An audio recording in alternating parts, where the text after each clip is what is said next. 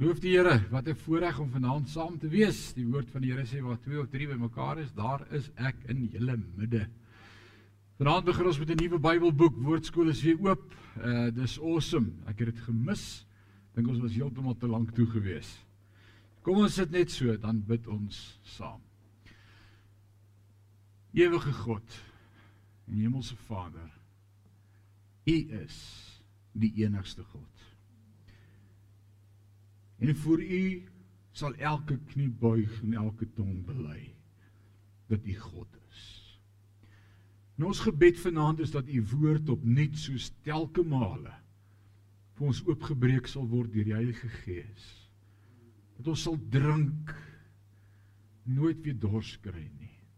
Dat u vanaand ons dors sal les met die ewige water. Dat u vanaand in elkeen van ons se lewe opnuut groei sal bewerk Bring iets nuuts vir ons vanaand, Vader, waarin ons kan kou, waarin ons kan vashou in moeilike tye. U is awesome. En U is 'n goeie God. Hey, U daar is niemand soos U nie. En U is 'n gewer van goeie gawes en ons wil vanaand opnuut kom dankie sê vir die Heilige Gees en ons wil bid Heilige Gees, lei ons vanaand in die volle waarheid. Ons eer U daarvoor, word verheerlik in en deur ons is ons gebed in Jesus naam en sê ons sê amen en amen. Loof die Here. Amen. Die boek wat ons vanaand mee gaan begin en ek het al 'n paar WhatsApps gekry om te vra wat doen ons? Wat gaan ons doen vanaand? Wel hierdie boek is mees waarskynlik een van die oudste of die oudste boek in die Nuwe Testament. Die oudste boek In die Nuwe Testament, dit was beslis Paulus se eerste brief gewees wat hy geskryf het. Sy heel eerste brief wat hy geskryf het. En wat sal julle raai is hierdie oudste boek en die eerste boek wat deur Paulus geskryf is se naam? Dis nie Psalms nie, nee. Tessalonisense. So ons gaan vanaand 'n bietjie kyk na 1 Tessalonisense en ons gaan vanaand begin by hoofstuk 1. Is gewoonlik 'n goeie plek om te begin. Ons by die eerste vers van die eerste boek. So hierdie boek is geskrywe aan gelowiges. Is geskrywe aan gelowiges in die stad uh Tessalonika. Die stad Tessalonika was op daardie stadium 'n uh, stad gewees met 'n bevolking van om en by 200 000. Daar was 200 000 individue wat in hierdie stad gewoon het om en by 2000 jaar gelede wat dit een van die megastede gemaak het van daardie tyd, 'n mega city soos ons vandag op Discovery sou sê. So in daardie tyd was dit 'n groot stad. Die oorspronklike naam van daardie stad was Therma. Therma. Right, en waar dink jy kom die woord Therma vandaan? Thermometer wat dui op temperatuur, hy het ongelooflik baie hot springs of natuurlike warmwaterbronne in daardie kusdorp in Griekeland en dit was ook 'n vakansiestad gewees waar mense heen gou sou reis om te gaan chill.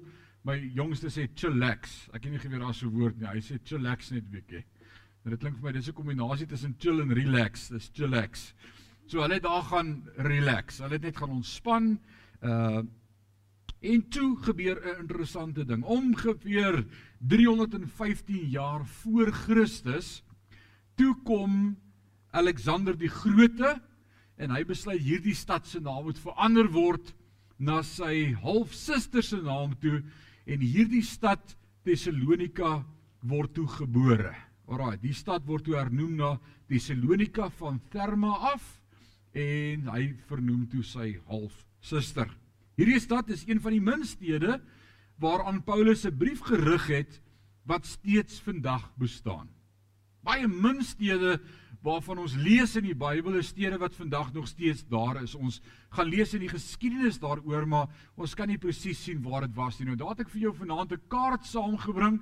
Daar sien jy Griekeland en jy sien Bulgarië en hier aan die reg aan die regterkant is dit uh, Turkye en Albanië. Nou daar's Griekeland en in daardie perdehoef wat hy so vorm, kry jy daardie hawe stad wat genoem word in vandag se tyd as jy wil gaan kyk, sal jy sien vandag nog is die naam daar Salonika of hulle praat daarvan as Tessaloniki. N I K I.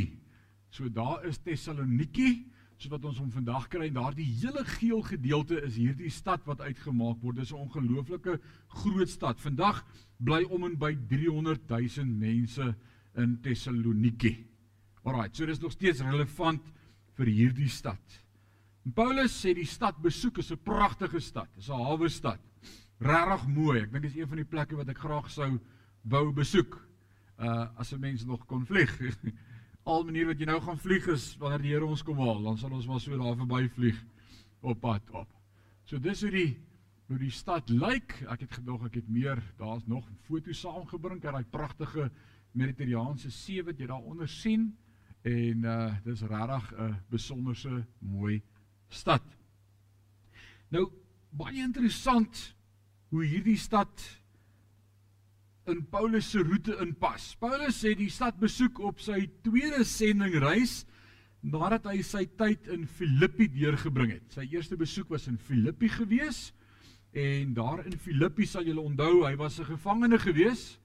Paulus en Silas in die tronk. En daardie nag terwyl hulle so geslaan is en blou is en die bloed loop, sing hulle loflied tot eer van die Here. Ons vind dit in Handelinge 17. En hulle sing psalms tot eer van die Here en maak hom groot en daar gebeur 'n wonderlike ding. Daar's 'n aardskudding en die tronk se deur waai oop. En al wat jy sien is Paulus se hakskene. Nee. Nee wat, daar's geen rede om te hardloop nie. God bly in beheer. En hy sit net daar aan die tronkbewaarder skrik wakker want hy het gelê en slaap.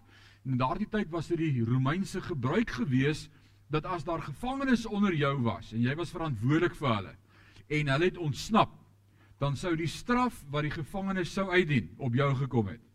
En Paulus en Silas sou sterf. Hulle sou moes betaal met hulle lewe. Dis hoekom gearresteer was in die tronk gegooi word. Hulle sou teen teen die volgende dag ontdoof word. En nou nip hierdie tronkbewaarder en hy begin uitroep en hy raak verboureerd. En Paulus en Silas is albei daar in die donker. Hulle sê vir hom: "Moenie worry net, relax net. Ons is hier. Jy gaan niks oorkom nie." En hierdie ou val op sy knieë en sê: "Vertel vir my, wat moet ek doen om gered te word?" Hm. Mag mense na my en jou lewe kyk en nie al wat hulle sien is ons hakskeen is ons weghardloop nie. Ons staan saam met hulle in 'n vuuroond en ons getuig van die vierde engel, die seun van die mens wat saam met ons is in ons omstandighede. En mense vra vir ons: "Wat moet ek doen om gered te word?" En dan getuig Paulus teenoor hierdie hof teenoor hierdie uh tronkbewaarder en ons weet die woord leer vir ons hy en sy hele gesin tot kom tot bekering. Is dit nie fantasties nie? En dis die gevolg van 'n getuienis en ons gaan net weer daaroor gesels ons het vanmôre gepraat oor die belofte in Handelinge 1 julle sal krag ontvang en julle sal my getuies wees en ek wil sê as jy regtig 'n getuie is gedryf deur die krag van die Heilige Gees vir ander mense se lewens En ons gaan vanaand lekker daaroor praat. Dit is so pragtig hoe die twee vandag by mekaar inpas. Nou sê hulle asseblief Paulus, nou moet jy hierdie stad met 'n spoed verlaat. Dankie, ek het net die Here gevind. My gesin het tot inkeer gekom. Ons is gedoop, maar ek dink is tyd dat jy wegkom voordat jy moeilikheid kry. Jou bediening kan nie so end nie. En dan toer hy verder en dan kom Paulus in die stad Tessalonika aan. Alraai. Nou let op dat ons leer uit die skrif uit dat Paulus slegs 3 weke net 3 weke, dis 21 dae bedien het in die stad Tessalonika. Net 3 weke was hy daar gewees. In hierdie 3 weke plant hy 'n gemeente. Hy stig 'n struktuur in die gemeente. Hy stel ouderlinge aan in die gemeente en hy los hulle met die woord en hy gaan verder in 3 weke.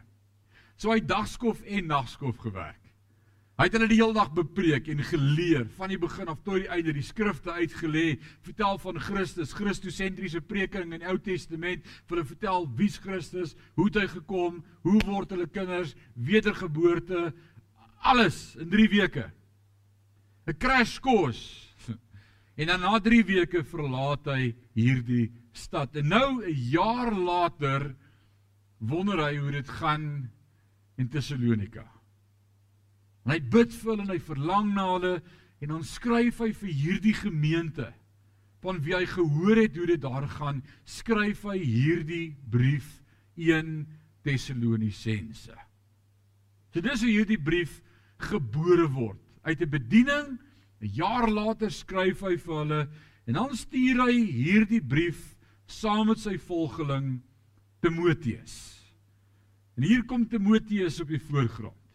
Die protégé van Paulus en hy stuur hom na Tessalonika saam met Salvanus en ons gaan daarvan lees. So Paulus het gehoor hoe dit met hulle gaan. Hy wil weet of hulle oorleef. Hy wil weet of dit goed gaan met hulle en of die gemeente funksioneer en dan stuur hy vir Timoteus om hierdie bemoedigende woord persoonlik af te lewer in besonder rakende die koms van die Here Jesus Christus. En ek kan nie dink daar's 'n beter boek vir 'n beter tyd wat ons nou kan tackle as Tessalonisense nie. Alraight. Ek is opgewonde. Dankie vir al daai amens. Dit is so awesome om dit te hoor. So, die vraag wat net sommer uit hierdie introduction af na vore kom is die volgende. Hoe lank moet iemand wag en 'n lidmaat wees en kerk bywoon Sondag en in die pad of op die pad van die Here wees of soms in die pad voordat jy jou bediening ontwikkel en begin dien in die koninkryk. Goeie vraag, né?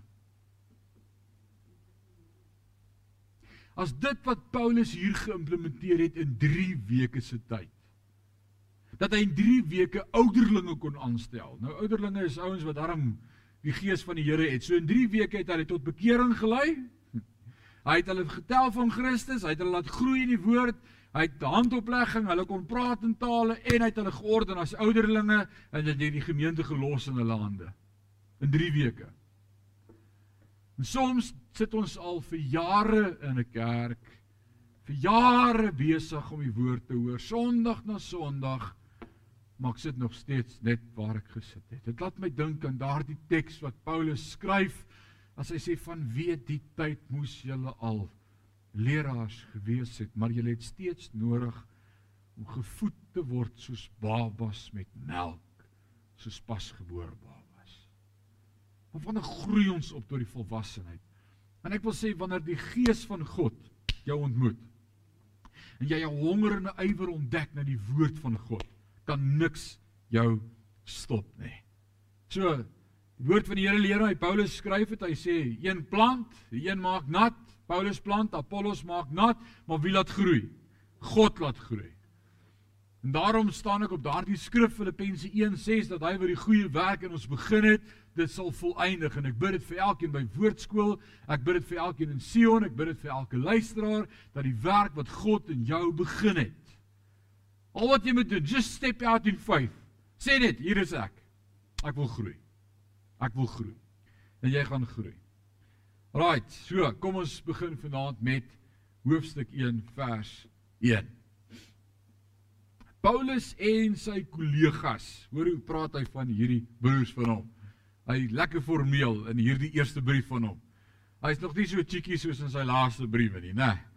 Hy begin mooi. Hy sê Paulus en sy kollegas, dit klink daarom na gesag hierdie aan die gemeente in Tessalonika en stuur seëngroet. Hierdie brief kom van Paulus, Silvanus en Timoteus. Dis so mooi as jy as jy kyk na die na die inleiding teenoor dit wat ons nou al in hoeveel van sy ander boeke bestudeer het, Galasiërs en Efesiërs en, en dan dan sien jy hier was hy nog bietjie hy het nog nie lekker geweet hoe moet hy die ding doen nie. Hy hy weet hy wil skryf, maar is bietjie formeel, daar's daar's bietjie struktuur, hy's bietjie gereserveerd. Hy val nie net met die deure in die huis nie. So hierdie brief kom van broer Paulus en Silvanus en Timoteus. Ons skryf aan die gemeente en Tessalonika wat aan God die Vader en die Here Jesus Christus behoort. Nou kom ons stop sommer net daar. Dis baie baie belangrik en ek wil dit vanaand weer sê, dis my so kosbaar dat die kerk behoort aan Christus. Dis nie my kerk nie, dis nie jou kerk nie, dis God se kerk. Dis sy koninkryk. In die woord van die Here leer my waar Jesus en Petrus daardie gesels gehad het, toe sê Jesus vir Petrus op hierdie rots Petrus sal ek my kerk bou. En die wat sê hy? En die deure van die hel van die doderyk kan dit nie oorweldig nie. Ek bou my kerk. En Paulus verstaan hierdie so. Hy sê hierdie gemeente is die gemeente van God die Vader en die Here Jesus Christus. Genade en vrede vir julle. Paulus dank God vir die gelowiges in Tessalonika. En wanneer ek bid, dank ons God altyd vir almal van julle. Ons onthou voortdurend hoe julle geloofdade word. Hoe hard die liefde julle laat werk en hoe julle aanhou hoop op ons Here Jesus Christus. In ons gebede noem ons hierdie dinge voor God ons Vader. Nou let op, hierdie gemeente het goed gedoen. Hulle het gegroei. Hy hoor mooi dinge van hulle en dan skryf hy en hy bemoedig hulle. En ek wil sê dis een van die dinge wat ons dalk moet leer om meer te doen met God se kinders en God se kerk is om die goeie goed waarvan ons hoor oor te praat. We tend only to stick to the negatives. Want as iemand vir jou vra, "Het jy gehoor?" dan moet jy maar weet daar's niks positiefs daarin nie. Is ek verkeerd as ek dit sê? As iemand eers by jou kom en sê, "Het jy gehoor?" of ek het 'n voeltjie hoor fluit. Dis die negatiefste voeltjies wat in Parys bly. Dit niks goeie nuus nie. Ons moet leer om te praat en te waardeer oor dit wat goed gaan. Ons let te veel op die negatiewe dinge. Net op hierdie gemeente gaan goed en ons sien in hulle net soos in die kerk in Kolosse toe hy Kolossense besoek het en vir hulle ook skryf die drie bewyse van volwassenheid in 'n gemeente. En hierdie drie dinge nie net in 'n gemeente nie, maar ook in 'n kind van God se lewe is sekerlik die belangrikste. En Paulus was baie lief vir hierdie drie dinge. Hy het hulle meer as een keer so agter mekaar gesê. Hy eindig die laaste 3 hoofstukke van 1 Korintiërs so. Hy skryf dit in die laaste vers in 1 Korintiërs 13 en nou dan bly geloof, hoop en liefde en die grootste hiervan is die liefde. Die laaste 3 hoofstukke van die boek Hebreërs. Geloof, hoop, liefde. Dis sy patroon. So hierdie 3 dinge is 'n bewys van volwassenheid in 'n kind van God se lewe en ook in 'n gesonde, goeie gemeente. As jy op 'n nuwe dorp is of jy's in 'n dorp en jy sê ek soek 'n kerk, ek weet nie waar om met 'n kerk toe gaan nie, waarvoor kyk ek, watter Bybel lees hulle, wat se vertaling lees hulle uit, wat is hulle geloofsbelijdenis? Daar's net 3 dinge waarvoor jy hoef te kyk. Glo hulle dat Jesus Christus die weg, die waarheid en die lewe is, die verlosser en die saligmaker, die seun van God. God en ook mens geword, gesterf opgestaan, leef vir ewig en kom terug. Geloof. Is dit daar? As dit nie daar is nie, hardloop. Die tweede belangrike ding in 'n gemeente, hoop. Het ons hoop vir die toekoms of raak ons deur die pandemie en deur die ellende en hierdie stories plat geslaan en sê ons, "Ag, ek weet nie waar gaan ons hoop vandaan kom. Lees ons elke Sondag, ek slaan my oë op na die berge. Waar sal my hoop vandaan kom?" Nee, man. Ons het 'n ewige hoop. Ons het 'n hoop in Jesus Christus. Die hoop beskaam nie, sê die woord. Daar moet hoop wees in 'n gemeente. Te midde van getalle, te midde van alles, het ons hoop. Ons het altyd hoop. Kan iemand sê amen? En dan die derde belangrike ding in 'n gemeente waarin jy sal uitken of 'n gemeente volwasse is, is of daar liefde is. Regte omgee vir mekaar regte onvoorwaardelike broederskap, regte liefde. Nou kom ons praat gou oor daardie drie: geloof, Jesus self in Johannes 6 vers 28 en 29 hulle het toe vir hom gesê wat moet ons doen om God se wil uit te voer. Die ou vertaling sê wat is die dade? What deeds must we do? Watter dinge moet ons mee besig wees om God te impress? Wat is al die werke? Wat is die lys van rituele en wette wat ons moet doen om God te impress? En Jesus het hulle geantwoord: Dit is goed. Dit is God se opdrag aan julle. Glo in hom wat die Vader gestuur het. En hy antwoord dit singular. Een, daar's een opdrag. Glo in God. En ek wil weer daardie woordjie glo verduidelik vanaand. Daar's net een betekenis van daai woord glo. Toe ons die evangelie van Johannes gedoen het, het ons dit vir mekaar gesê aan dit was die tema van daai aand volle gewig. Kan jy dit onthou? Wie kan volle gewig onthou? Kan jy nie volle gewig onthou nie?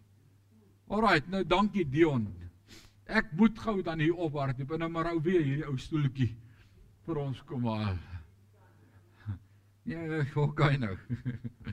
Alraight. Daar is die stoel. So 'n klein aluminium stoeltjie. En hier was vroeër jare so 'n stiker gewees wat gesê het maksimum 100 kg. Alraai, dis 'n is 'n goeie gewig. Laat my dink aan die aan die the rope walker. Wat is 'n rope walker in Afrikaans? Is dit 'n touloper? Het, het hy nie 'n ander naam nie. Daai daai ouens daai akrobate wat so op die tou so balanseer dan stap hulle so tussen twee geboue op die tou akrobaat, 'n rope walker sê die Engels. Hy was fenomenaal geweest in 'n familie van toulopers, maar nou nie oor die tou trap, nee, op die tou en en so het hy nou tussen geboue gestap van die een kant tot die ander kant en die hele dorp is hier onder in die markplein dan seer hulle hierdie ou kan nie glo uit op hierdie lang tou vir hierdie 50 meter tussen die geboue geloop nie. Dan vra hy vir hulle, dink julle ek kan met 'n krywa hier oor stap? Dan sê hulle krywe, daar is nie 'n manier nie. Kan nie, dis te onmoontlik. Dan vat hy die krywe en dan klim hy op daai tou en dan begin hy die krywe stoot en dan stoot hy vir hom pragtig netjies tot ander kant. Dan klap almal vir hom hande en sê jy's die beste. Jy kan enigiets doen. Dan vra hy, dink julle ek kan iemand in die krywe oorstoot? Dan sê hulle, "Wow, jy is so fantasties." Ja. Dan sê hy, "Maar kom klim in." Sê hulle, "Nee, nie ons nie, vat iemand anders." En dis dieselfde gedagte wat Jesus hier vir ons sê in Johannes 6 vers 29. Jesus het hulle geantwoord: "Dit is God se opdrag aan julle." Glo. Nou kom ons vervang daai woordjie glo met die definisie van geloof. Sit jou volle gewig in hom wat die Vader gestuur het. Dis een ding om te sê ja, ek dink hierdie behoort te ou te kan hou. Ek dink dit behoort te werk. Maar is 'n ander ding as ek vanaand vir jou vra. Kom sit jy op hom. En dis ons verhouding met Jesus.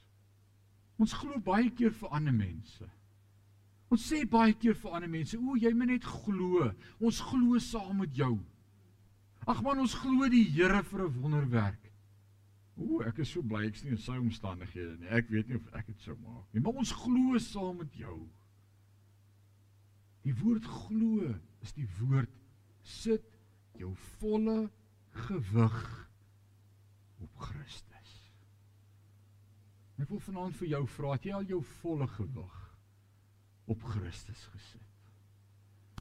Jy al jou volle gewig op hom gesit as die weg, die waarheid en die lewe. As jy nog op jouself steun en op jouself staat maak, want jy nog nie 'n volle gewig op hom gesit nie. Corrie ten Boom, daardie pragtige Hollandse vroutjie, ek ek ek ben 'n Nederlander, so sy was ook 'n Nederlander, 'n Hollander. En sy het in die Tweede Wêreldoorlog het sy Jode weggesteek in haar seller en en en toe die Jode haar gevang dat sy hierdie klomp Jode wegsteek en dat haar saam met die Jode as 'n nie Jood in 'n konsentrasiekamp gegooi sy het die gas chambers, die gaskamers van die Duitsers in die oë gestaar en gesien hoe duisende Jode sterf as gevolg van marteling deur die Jode. Sy evangelie bly verkondig en honderde Jode na Christus gelei as die Messias. Sy was 'n pragtige voorbeeld van 'n volgeling van Christus wat sy volle gewig op Christus gesit het. Sy skryf in een van haar boeke na haar ondervinding in hierdie wêreldoorlog die volgende sinnetjie wat my lewe vir altyd verander het. En elke keer as ek myself wil jammer kry, dan dink ek aan Corrie ten Boom se volgende woorde wat sê you'll never know that God is all you need until God is all you have. Oh man. Hy wat die seun het, het die lewe. En sal lewe al het hy ook gesterwe. As jy jou volle gewig in Jesus Christus sit, in 'n gemeente wat sy volle gewig in die woord van die Here sit, in 'n verhouding met hom, dis 'n gesonde gemeente. En dan skryf hy volgens hy sê hoe hard julle liefde julle laat werk. En dis vir my die mooiste beskrywing van werke en liefde en die verhouding tussen werke en liefde. Hoe hard julle liefde julle laat werk. Wanneer ek en jy besef hoeveel God vir ons gedoen het, kan ons nie anders as om te begin werk vir hom nie, want ons het hom lief. En omdat ek hom liefhet en hy my liefgehad het met 'n ewige liefde, wil ek iets vir hom doen. En sien ek dit nie meer as werk nie, maar as my lewe. Want daarom leef ons 'n lewe van liefde. En ek wil sê as jy regtig liefhet, dan wys jou dade dit. Onthou gou waar pas werke in in die ewigheid en in hiernamaals. Die woord van die Here leer ons Efesiërs 2:6-7 ons is gered deur genade deur die geloof nie deur ons werke nie maar deur die geloof. En daardie geloof was 'n geskenk van God sodat niemand van ons eers daarin kan roem en sê pewe ek het tog geglo nie. Nee dit was 'n geskenk van God vir jou en ons gaan net nou 'n bietjie daaraan raak want baie mense raak rooi om die boortjie as ons praat daaroor dat dit 'n geskenk van God was. Want ons wil so graag roem en sê, nee, dit was ek, ek het my hart. Man, jy het niks. jy was dood in die sonde van jou misdade, sê die woord. Nou sê gou vir my, 'n ou wat dood is, kan hy nog sy hand opsteek en uitneel? Nee, jy's dood. Jy's mors dood. Jy kon niks doen nie. Jy kon nie eens jou hand opsteek en sê red my nie. Maar dis hy wat in jou werk om te wil. Dis hy wat die goeie werk in my begin het. Dis hy wat my geroep het. En dis hy wat ook my die geloof gegee het om te sê ek wil glo. Ek het gedink is ek, dit was nie ek nie, dit was alles hy. Ek het niks daarmee te doen nie. Dit is alles God. It's amazing. En as ek besef hoe lief hy my het, dan wil ek my lewe vir hom gee en ek wil vir hom werk. Ek wil my ek wil vir hom lewe. So ons word nie gered deur ons werke nie. Verstaan ons dit? Jy kan God nie impres nie. Jy kan niks werk om gered te word nie. As ek vrou vra hoekom gaan jy hemel toe? Dan sê hy nee, maar ek betaal daar my tiene en ek gaan gereeld kerk toe en ek slaan nie my vrou te veel nie en ek nee, werk het niks met die ewigheid saam met God uit te waai nie. Niks. Jy word nie gered volgens werke nie. Maar volgens jou geloof. Maar nou kom Jakobus baie interessant. Is dit Jakobus 2 as hy skryf oor die werke en geloof en sê hy jy sê dat jy glo, wys my jou werke dan sal ek sê of jy regtig glo of nie. Baie interessant. Met ander woorde, as jy regtig 'n vertrekpunt gehad het in jou verhouding met Christus en regtig sê jy tot die geloof gekom en jy glo in Jesus Christus, jou volle gewig is op hom. Dan wys jou dade dit. Dis nie net praatjies nie. Dan doen jy. En wat doen hierdie gemeente vir die koninkryk? Hy sê hoe hard julle liefde julle laat werk. So 'n liefde vir God omdat hulle verhouding met hom is. Hulle werk. Hulle bak vetkoek by die bazaar om kerk te bou en hulle driel traktaatjies uit en hulle hou sing songs op die straathoeke. Hierdie gemeente het gewerk. Wat het hulle gewerk? Wat se werk het hulle gehad? Hulle was lewende getuies, tydig en ontydig, dat Christus in hulle leef. Wow. Alraai, ons kom daarby, hou vas. Die derde een, hy skryf verder, hy sê en hoe julle aanhou hoop op ons Here Jesus Christus. Aanhou hoop. Ek weet een van die dae gaan ons almal by Jesus wees. Ek onthou jare gelede, ek wil sê in die 40 jaar terug toe ek 'n kannetjie was wat verstand gekry het en hoe ek geluister het na die liede wat die ou mense, my oupa en oupa gesing het. En dan hulle omtrent heimwee gekry en begin hemel toe verlang. En dan het hulle goed gesing en ek sal dit nooit vergeet nie. What a day that will be when my Jesus I shall see. When I look upon his face, the one that saved me by his grace. En dan my oupa gesing, when he takes me by the hand and lead me to the promised land. Met trane wat oor hulle wange gerol het, het hulle uitgesien na ewigheid saam met God. Deesdae sing ons goed soos Ooh, heaven is a place on earth.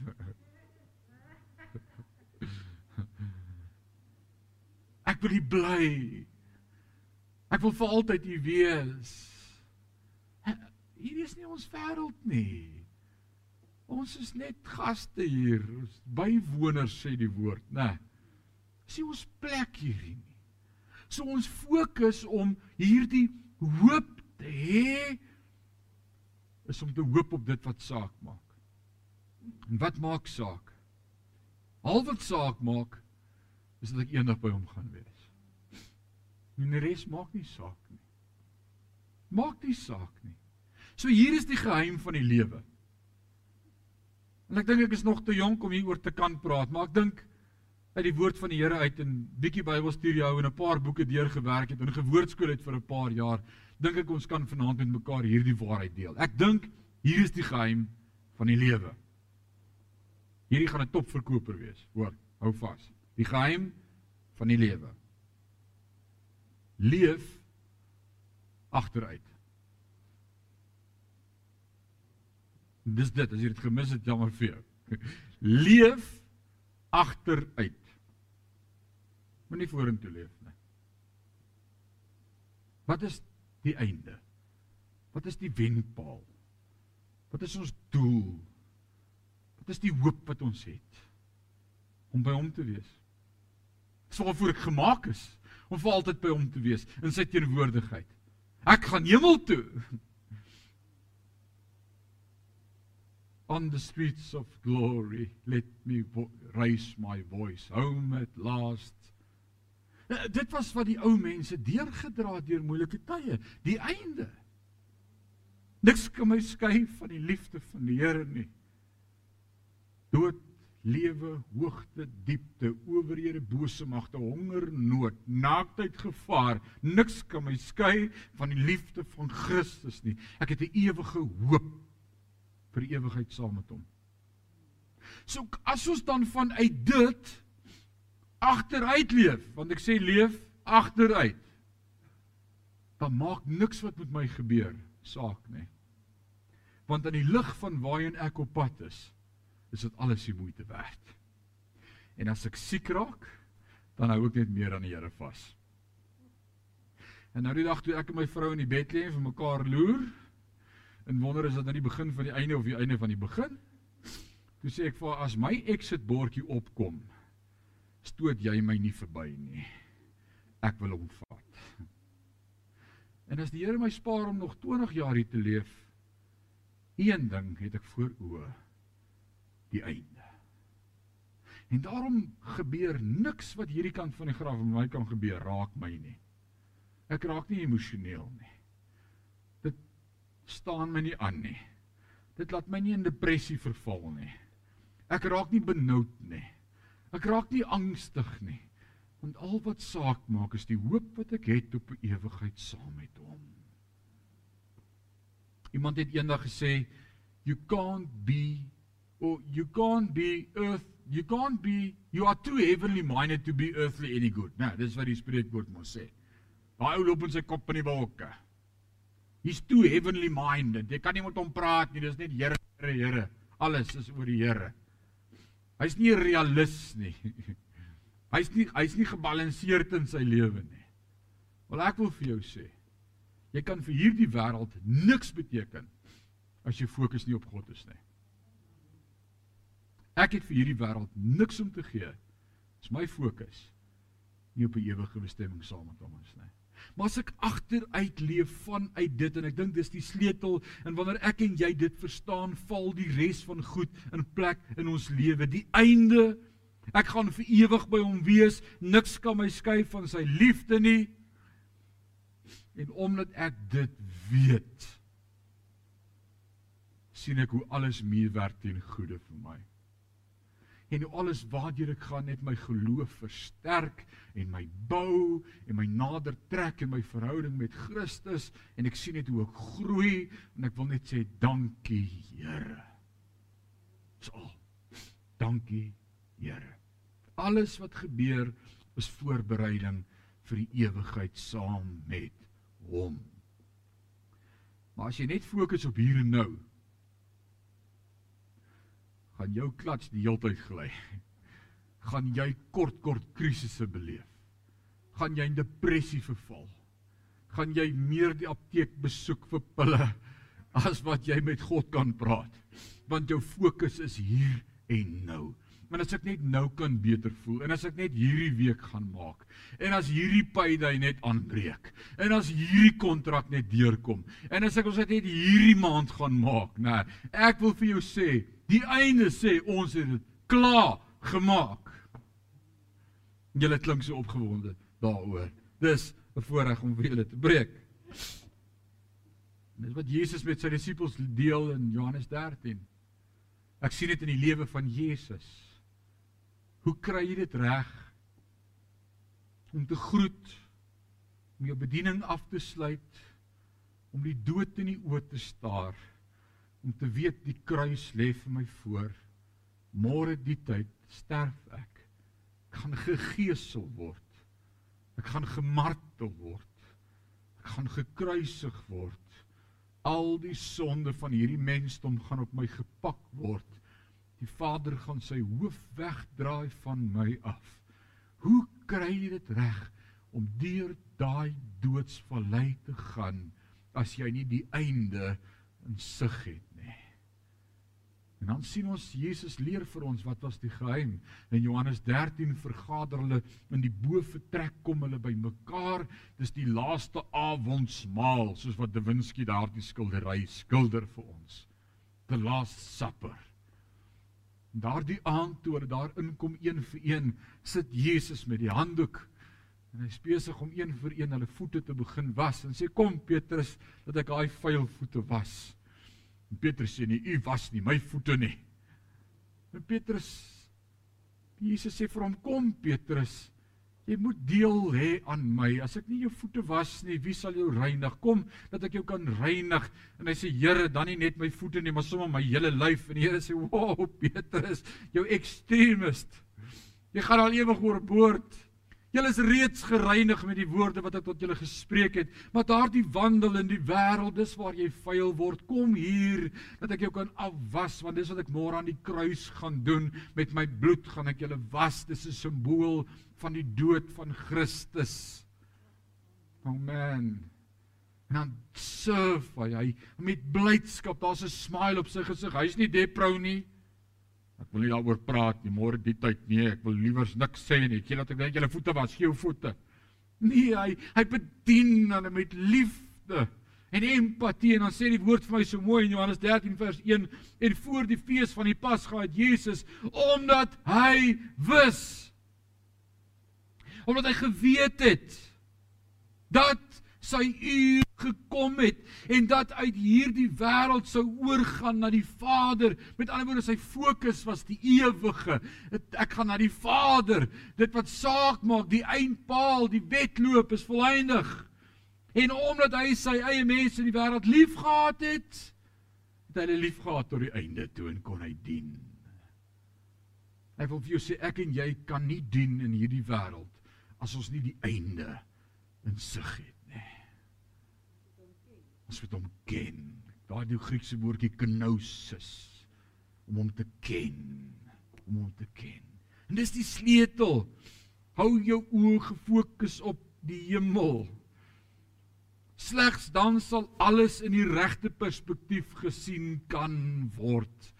En dis die boodskap van die woord. Die koninkryk van God kom. Jesus leer ons daardie gebed en ek wil eerlik sê ek dink ons bid die onsse Vader heeltemal te min. Ons dink is 'n gebed vir beginners.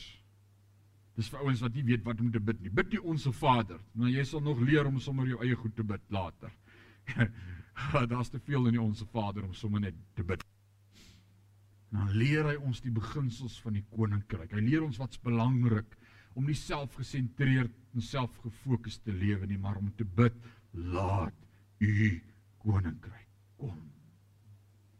Laat u wil geskied soos in die hemel so op die aarde. Wanneer ons weer dit gaan begin bid in ons lewens, gaan die Here jou dalk kan gebruik in jou omstandighede omdat jy nie jouself so bejammer oor waartoe jy moet gaan nie. Om te sê as u dit kan laat meewerk vir die koninkryk, doen dit. Doen dit.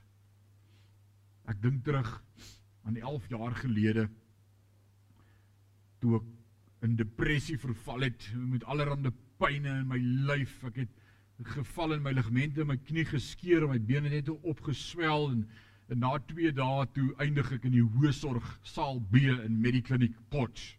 Van julle ken hierdie storie en ek lê daar in saal B in bed 18 en ek kry myself verskriklik jammer.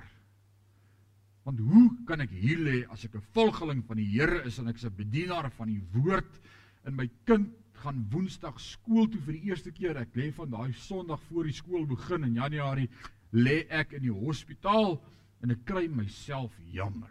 Maandag, Dinsdag, Woensdag. Dis net ek en die Here. Ek is depressed. Ek wil met niemand praat nie. As Eileen op die foon bel, antwoord ek nie. Ek het depressie, alles pyn, my lyf pyn. Later het dokters besef dit was fibromialgie wat niks anders is as uitbrandingssindroom nie. My hele lyf is in in 'n uh, uh, inflammasie, 'n staat van inflammasie en alles pyn, alles is seer en ek's opgeswel my hartklop is 130 slae per minuut, my bloeddruk is 180 of 160.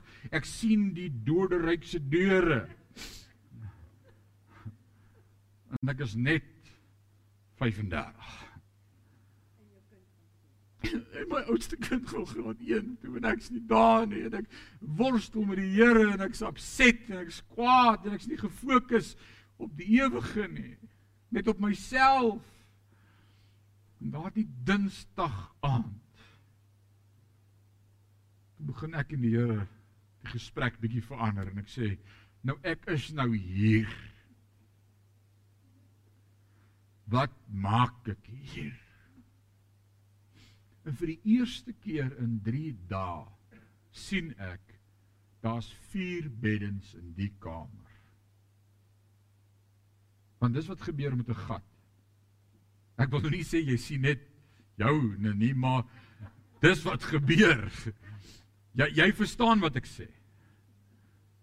Want al wat nou saak maak is wat ek voel en wat ek sien en van hoe waar ek staan en hoe dit lyk en wat ek beleef en en waartoe ek gaan. En na 3 dae toe ek om my rond kyk, toe sien ek maar hier's nog 3 mense in hierdie kamer. Ek sê Here, wat sê U vir my? En die Here sê, dalk het ek jou gestuur sodat jy vir hulle iets kan sê. Maar jy let so op jouself en jy kry jouself so jammer. En ek moes my trane afvee en sê sorry Here dat ek so op myself fokus. En ek het daai hart monitortjies so een vir een afgehaal toe begin daai masjien piep. Dis die vinnigste wat die suster nog gekom het.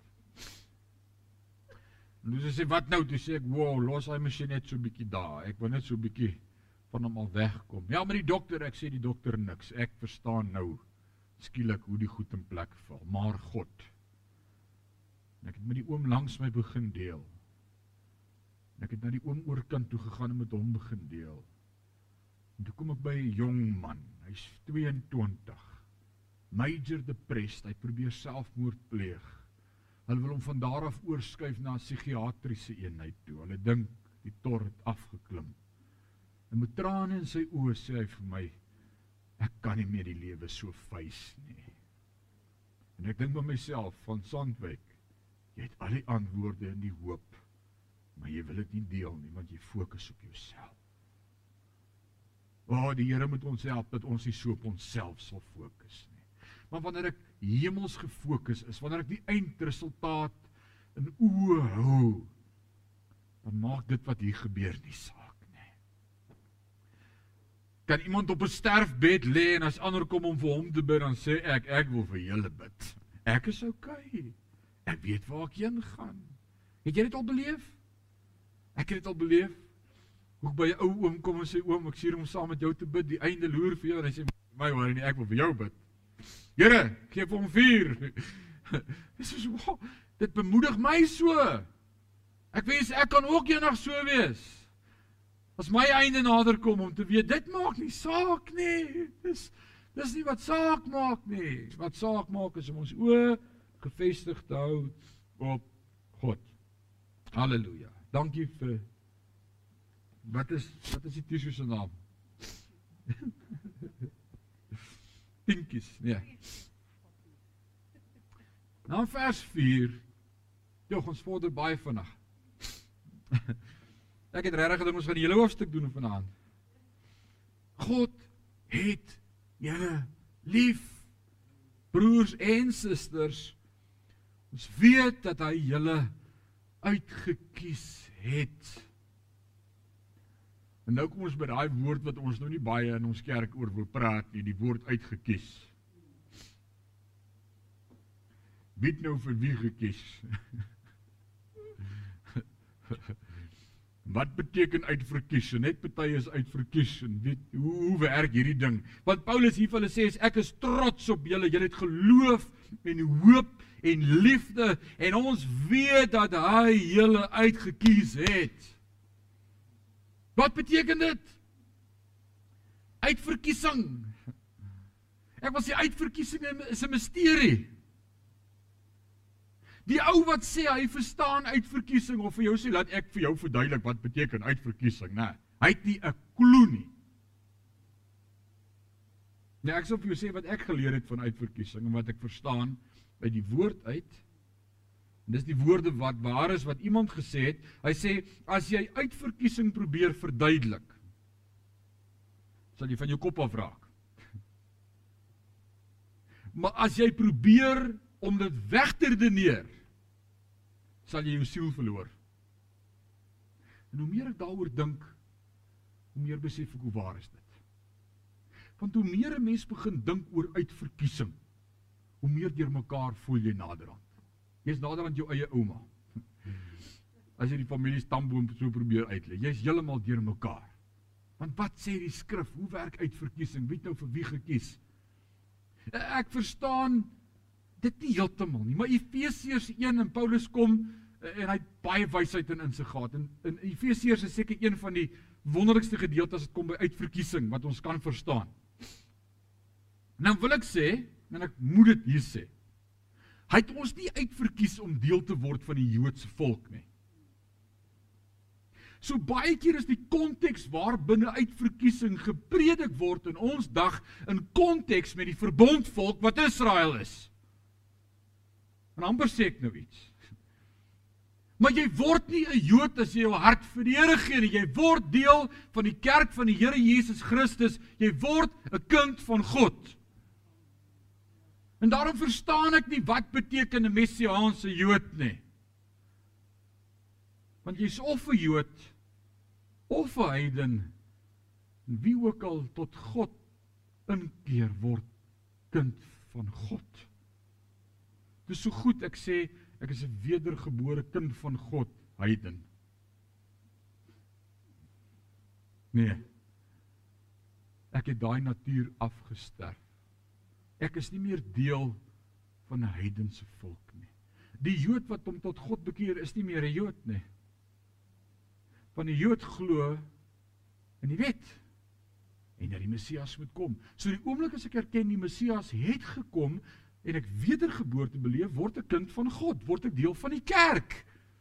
En dis hierdie geheimenis, hierdie verborgenheid, dit wat Daniël vir ons skryf van die 70 weke van Daniël. Ons is nou in hierdie 69ste week, hierdie pos, en dis nou die tyd vir die kerk. God deel nie nou met die Jood nie. So ek wil nie nou 'n messiaanse Jood wees nie. Ek wil deel wees van die kerk, van die verborgenheid, van die eklesia. Right, dit daar gesê. So uitverkiesing uitverkies vir wat? Uitverkies vir kindskap, kind van God. Nou Efesiërs 1 leer dit vir my verskriklik baie mooi. Daar kan ons gaan lees van die 14 juwele wat hy vir ons daar deel eh, en maar dan sê hy 'n paar goed in Efesiërs 1. Hy sê hy wat ons verordeneer het voor die grondlegging van die aarde. Nou wie weet hoe oud was jy toe dit gebeur het? Dit dit was voordat Dawid die wortels gegrawe het. Dis dis dis voor die begin begin was. Dis toe die hele aarde nog net 'n gedagte by God was. Toe het hy my en jou reeds uitverkies. Wow. So kon ek iets daarmee te doen hê? Nee. Niks. Was dit ek wat gevoel het ja nee wat dat ek nou maar die Here traai gee en vanaand kerk toe gaan en met my hand opsteek en kyk wat gebeur? Of was dit God se gees wat my getrek het en vir my gesê het ek wil hê jy moet glo en toe ek glo toe doen hy werk in my lewe en my lewe verander. Ek het daarmee niks te doen gehad nie. Dit was net sy genade. Hy het my gered. Hy het my gekies ten spyte van enige iets wat ek gedoen het of sou doen het hy my gekies Jesus het gesê, julle het my nie gekies nie, maar ek het julle gekies. Hoe ook was ons reeds voor ons geboorte gekies. Hy was voor jou geboorte gekies. Charles Spurgeon, hy was 'n fenominale prediker gewees. Hy het nie twak gevat nie. Maar hy het Rembrandt pyp gerook. Maar in 'n geval, Charles Spurgeon was was reg toe hy gesê het hy sê die volgende, hy sê ek is so dankbaar dat God my voor my geboorte reeds gekies het, want na my geboorte, mm, ek dink nie hy sou my kies nie. en ek kan net sê, amen. I rest my case.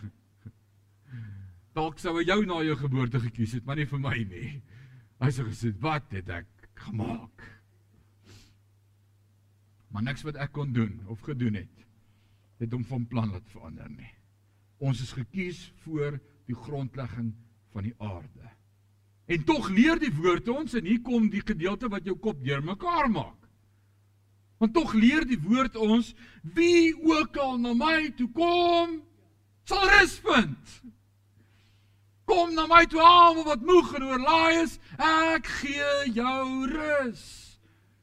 Petrus deel dit. Hy sê want dit is die wil van God dat nie een verlore sal gaan nie, maar almal die ewige lewe sal berwe.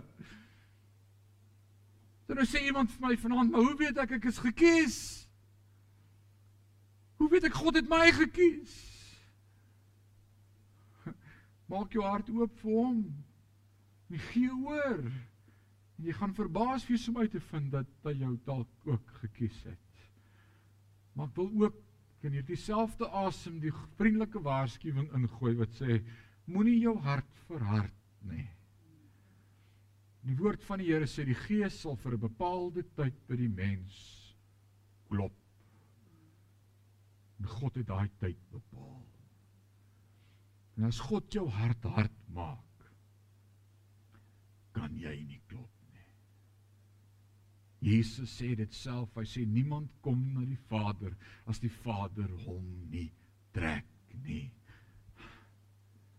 Ek kan net vanaand sê ek is so dankbaar dat U my getrek het. And I'm forever grateful to you. And I'm forever grateful for the cross. I'm forever grateful to you that you came to seek and save the lost. Ek was verlore. Ek was dood vanweer die sonde en my misdade, maar hy het my gekies. Ek verstaan dit nie. Ek kan nie vanaand daar in roem en sê pewe, ek is tog gekies en jy nie. Ek is deel van die uitverkiesingsvolk van die Here. Net oor ek aan 'n denominasie behoort. Uh uh. Nee. En ek wil sê baie wat dink hulle is uitverkies en nou beweeg ek op baie gevaarlike terreine. Ek weet ek moet nou am amen sê. Maar ek voel ek wil dit sê.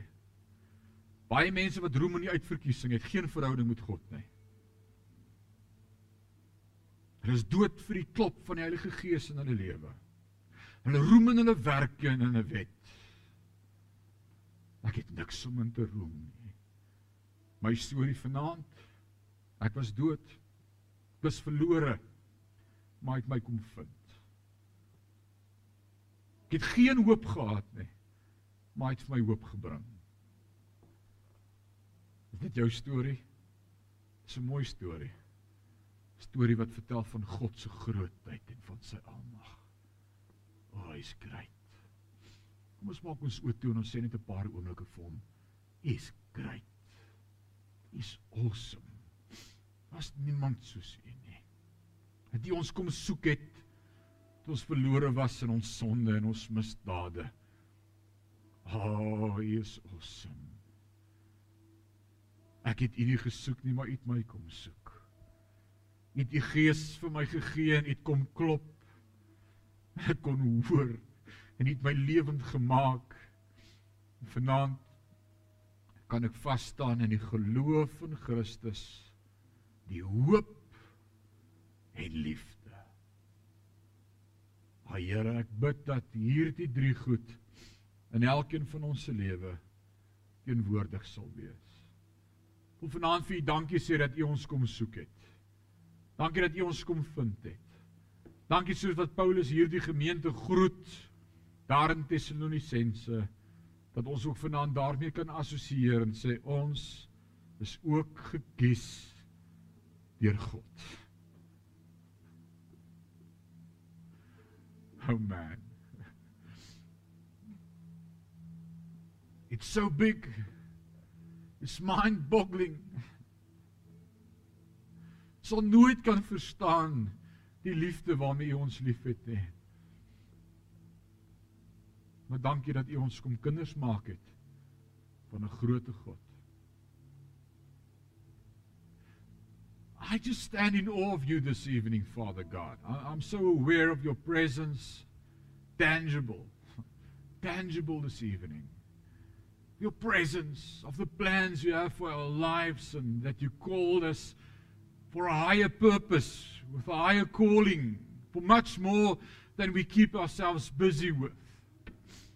And I want to pray this evening, Father God, that you will open our spiritual eyes so we will look around and see people in need and desperation, searching for a word of God, searching for a way out of this troubled world, searching for light bearers that represent eternal life ambassadors of God, not only preachers who preach and teach the law, saved, born again children of God who can testify of a big, big God and his eternal plan for men. Here, skud ons bietjie in hierdie tye. Maak ons wakker dat ons hierdie lewende getuies sal wees, gedryf deur die Heilige Gees in ons lewe. Dat ons ligdraers sal wees van die koninkryk van lig en lewe. Ons eer U daarvoor. Ons eer U daarvoor. U is 'n awesome God. U is 'n awesome God. Ons eer U. Word verheerlik in en deur ons. Ons gebed in Jesus naam. Amen.